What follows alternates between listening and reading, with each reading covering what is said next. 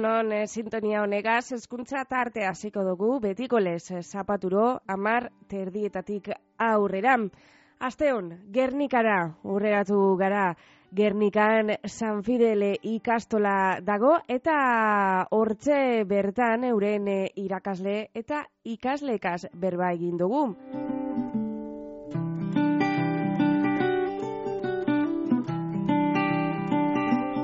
Oindala irulau urte batzillergoan sortu zan edo eraiki zan San Fidelen, eta horretaz e, irantzu olarreta orientatzaile eta irakasleak egin deusku berba.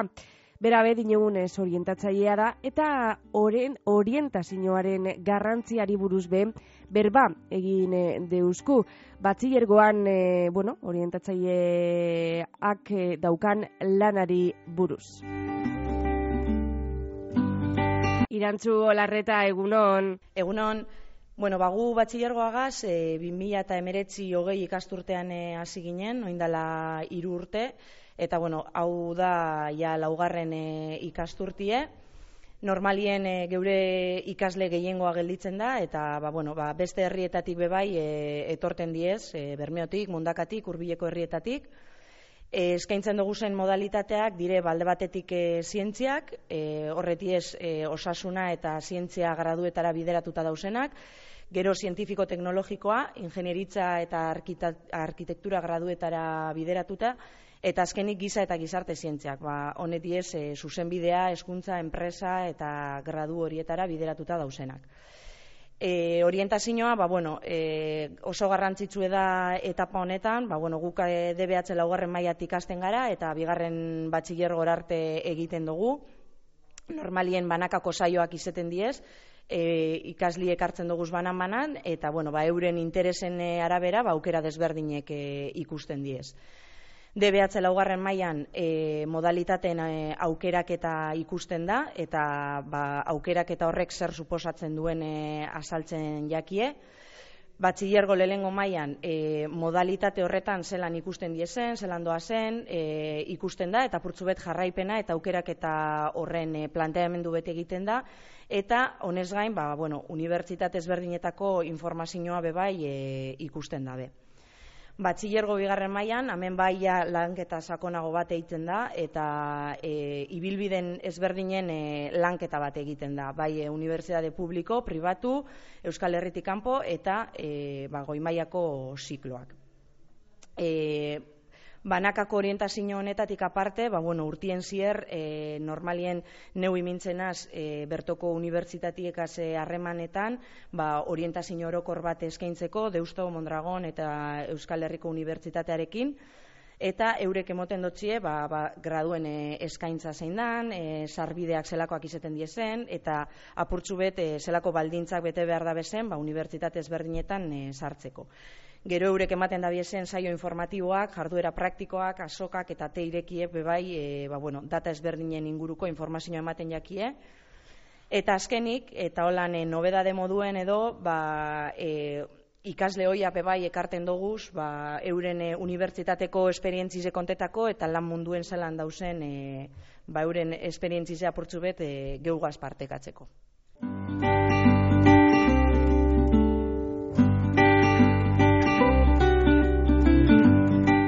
Beste alde batetik Paul Eskolarregaz eh, egon gara, bera tutorea eta irakaslea da, batzillergo lehenengo mailako tutorea eta irakaslea eta tutoretza eh, gelan edo tutoretza, bueno, bai, ikasgaian egiten diran eh, proiektuaren proiektuen barri emon deusku. Eta benetan, e, bueno, proiektu oso interesgarriak eta gero june isasi eta Nikole Bermeosolok e, eurek ikasleak dira, batzilergo lehenengo mailako eta batzilergo bigarren mailako ikasleak eta eurek e, proiektu honetan parte hartu dabe. Eta benetan oso interesgarria, eh, kontau deuskuenak. Bueno, Paul, eh, egunon. Bueno, ba, egunon, eh, guk tutoretxan, tutoretxako proiektu bat eruten dugu aurrera, sozer berrize barneratzeko ikasliengan eta tutoretza proiektu honetan proiektu kolaboratibo bat eruten da aurrera ikasliek. Proiektu kolaboratibo hau taldeka izeten da, bai, taldiek guk sortzen dugu normalien, Europe bai talde moduen lan eitzen ikasteko, eta proiektu kolaboratibo horren bitartez guk gure duguna da eure konturatxie, euren inguruen dauen behar izan edo falta bat zelan ikaldaben aurreratara edo konpondu. Orduan honetarako ikasliek taldeka e, bide desberdinek erabakitzen da bez. Batzuk falta hori ikastolan bertan ikusten dabe eta lan horren bitartez hasten dire ba, behar izan handizedekien ikasle gazti haueri partikularrak emoten adibidez, edo beste batzuk behar izan horriek kanpoan ikusten da bez. Ba, adibidez, Caritas e, taldiegaz batzen dire, eta Caritas taldiek deko zen proiektu diferentietan parte hartzen dabe. Bai, erropan bilketa, bai, e, kanpotarrei laguntzak ematen euskerako klasik eta barre moten, eta proiektuek danetarik egoten dire. Hau, e, irantzuk esan dabe moduen, batxiergoa barneratu zan lehen urtetik eruten da aurrera, eta honega urten die oso proiektu politxek. Pasan urtien adibidez harin hau esan dute moduen, partikularrak emote ziren San Fidelen bertan, batxiller lehengo mailakoak hasi ziren partikularrak emotean, baina beste hainbat proiektu haien die. Adibidez, Atletik Fundazioan taldiegaz, dala ez gaituen talde bategaz, eurek txarla bat etorten, e, etorri ziren emoten San Fidelera, eta gero gure ikaste talde bat, junzan eurekin entrenamentu bat eitzera. Edo adibidez, pasan urtien talde batzuk, estutxiek, liburuek eta bar saltzen biezen, bigarren eskukoak, eta hortik atatesan diruegaz, talde desberdinetara e, ba, erutesan diru hori. Zer irabazten da beurek e, proiektu honekin? Punto, e, lehengo puntu izango zen, ba, eurek ikasten da bela, zelanik barneratu, kanpoan dauzen behar izanak, gure esku dauzela, eta horrek ba, gu konponbide bat emoteko gai izen bihar garela. Eta horretaz aparte, e, guk tutore moduen baloratu egiten dugu lan hori. Bai guk tutoreak, bai proiektu hori adibidez karitasegaz lan inda daben, karitasekoak bai gugaz kontaktuen jartzen dire. Eta balorazio bat emoten dozkue, zelanik ikusi da bezen ikasle horrek proiektu horretan murgil dute. Hortik, puntuazio bat emote jako lan eri. Zerotik, amarrerako puntuazioa. Azterketa edo beste lan bat izango basan moduen e, zazpi eta sortxi puntu bitartzen ataten da bezen, ataten bada biesen lan horretan, puntu bat irabazten dabe. Eta puntu hori aldo txigeitu, aprobeta dauen edo zein asignaturari. Bai, e, irakaslia doz egon bida, bai, lanien ikusioa dauen pertsona hori, puntu hori gehitzeko aukeri edeko.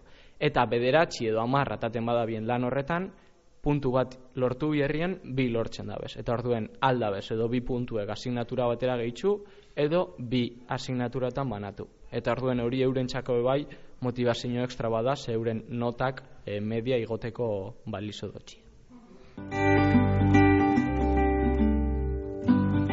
June Isasi, batzilergo lehenengo mailako ikaslea da, eta aurton e, lehenengo aldiz, e, eroango da bueno, aurrera tutoretzan garatzen daben proiektua, eta bere esperientzia, hau da, June izasi egunon.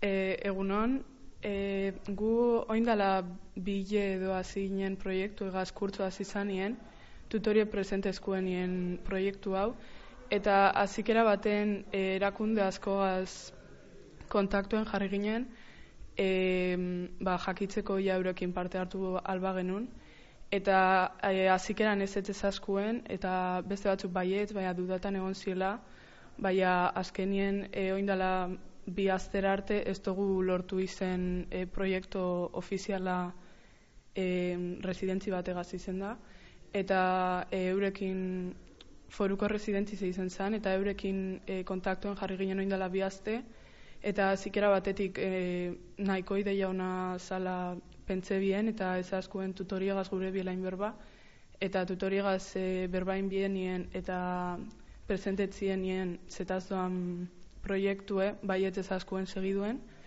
eta e, residentzi zen tur bat e, ikusita gero, e, atzo azinen proiektu egaz, eta atzo genuen e, bertako jentigaz ba, e, harremana harreman eukitzen hasi ginen, eurekin berbain genuen, eurek, euren historizoa kontesku zen, eta gero bingora jolasten egon ginen, eta e, karta jokoan ibili ginen.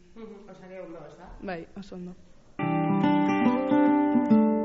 Nikole Bermeo solo, que batzierko bigarren e, mailako ikaslea da, eta aurten errepikatu dau bigarren e, ikasturtea da, bueno, proiektu honetan barneratzen e, dala, eta bere esperientzia hause da. Nikole, egunon?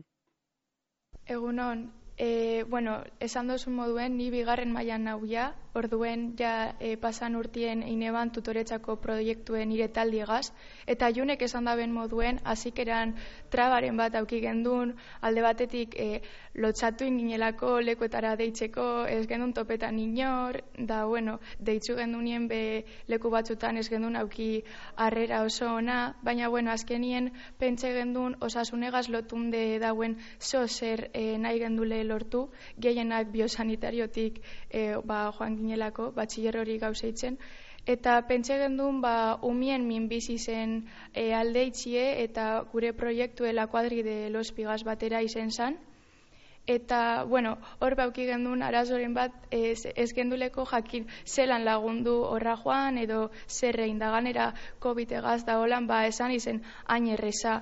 Da, azkenien pentsa egon ba, bueno, zer izango da hobien eurentzat, igual diru laguntzaren bat ze ikerketan, ba, ez da moten horren beste laguntzarik.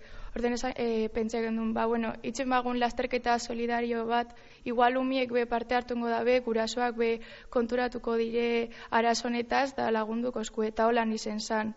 Pentsa gendun LH maiega zeitzie proiektu hau azkenien e, maia geizen hartzen daben e, kurtsua dalez, LH, bat, e, LH batetik LH zeirarte, eta ba, kontzientzia saio batzuk engendu zen, txikitsuenekaz e, engendun ipuin bat irakurri, minbizi zen inguruen, eta, bueno, e, geizenak ulertuen bien, eta ba, asko postu ziren proiektu egaz, da gero nagusitzu hauekaz, ba, aurkezpen bat ingendun, PowerPoint baten bidez, eta haure bai e, asko lagunduzkuen elduzan lasterketien egune eta irakasliek bai asko lagunduzkoen azkenien proiektu bastante handi bat zalako eta euren laguntzie bierken dulako umiek txikitzuek ziren eta ez genuen jakin ia joango badiren e, lekuetatik edo ez dakit ez genuen jakin ondo zeingo bien. Orduen e, irakasli ez gain e, gure klasekidiek bai asko lagunduzkoen eta bikoteka jarri ginen e, lasterketako puntu desberdinetan umiek ez eskapetako geizen bat